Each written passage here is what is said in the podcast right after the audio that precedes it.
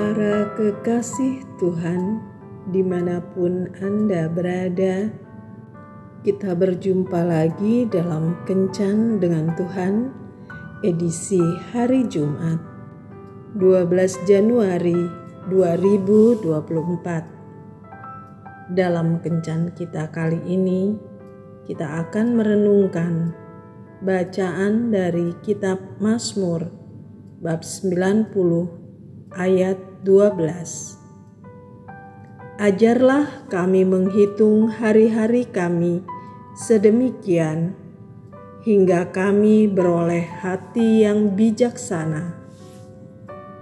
Bapak, Ibu, dan saudara-saudara yang dikasihi Tuhan, salah satu kata yang cukup menakutkan bagi sebagian orang adalah kematian ada sebagian orang yang mengalami trauma ketika kematian menghampiri dan merenggut orang-orang yang dia kasihi dari sisinya.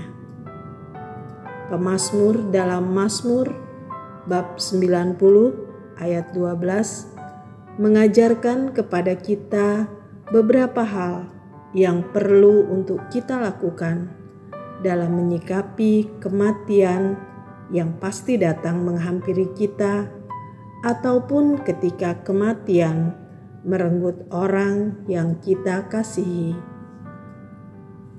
Pertama, menghitung hari.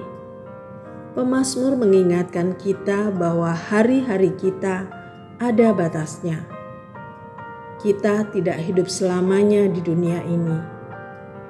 Ingatlah bahwa kita sebenarnya juga sedang dalam masa tunggu panggilan dari Tuhan, sedang antri untuk pulang ke rumah yang kekal.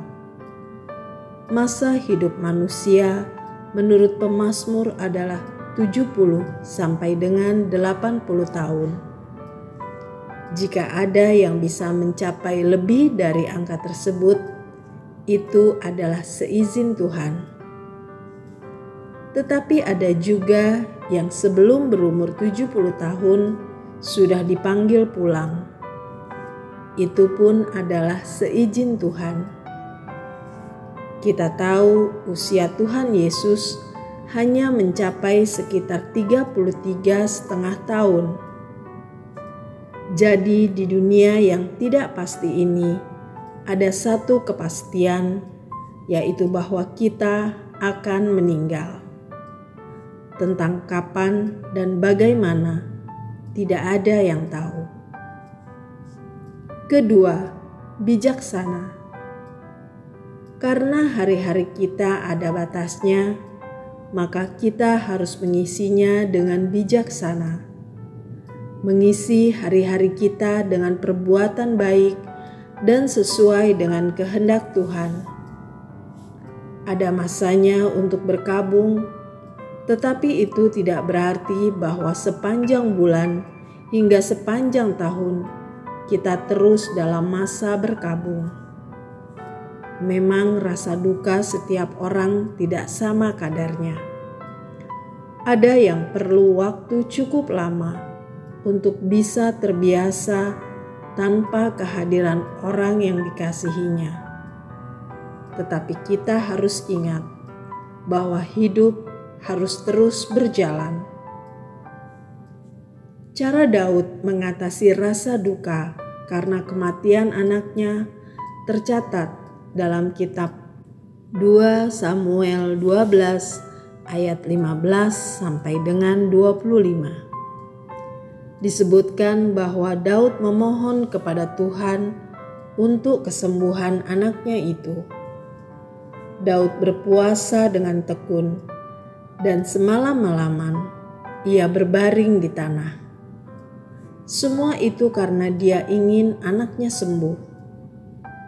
Tetapi ketika Tuhan berkehendak lain, yaitu mengambil anak tersebut, Daud pun bangkit kembali, beraktivitas seperti sedia kala. Tuhan memberkatinya dengan memberi Daud satu putra lagi bahkan menjadi kesayangan Tuhan. Dan anak ini nantinya yang akan menggantikan Daud sebagai Raja Israel. Mari kita bijak dalam hidup ini. Jangan lupa bahwa waktu kita di dunia ini ada batasnya. Persiapkan diri menyambut panggilan pulang dari Tuhan. Dan jika saat ini kita sedang berduka, ingatlah bahwa kita tidak boleh berduka berkepanjangan sampai melupakan tanggung jawab yang harus kita kerjakan. Tuhan Yesus memberkati. Marilah kita berdoa. Tuhan Yesus, ajarilah aku memahami bahwa aku harus mempersiapkan diri dalam menyambut kematian sehingga aku mengisi hari-hariku dengan bijaksana. Amin.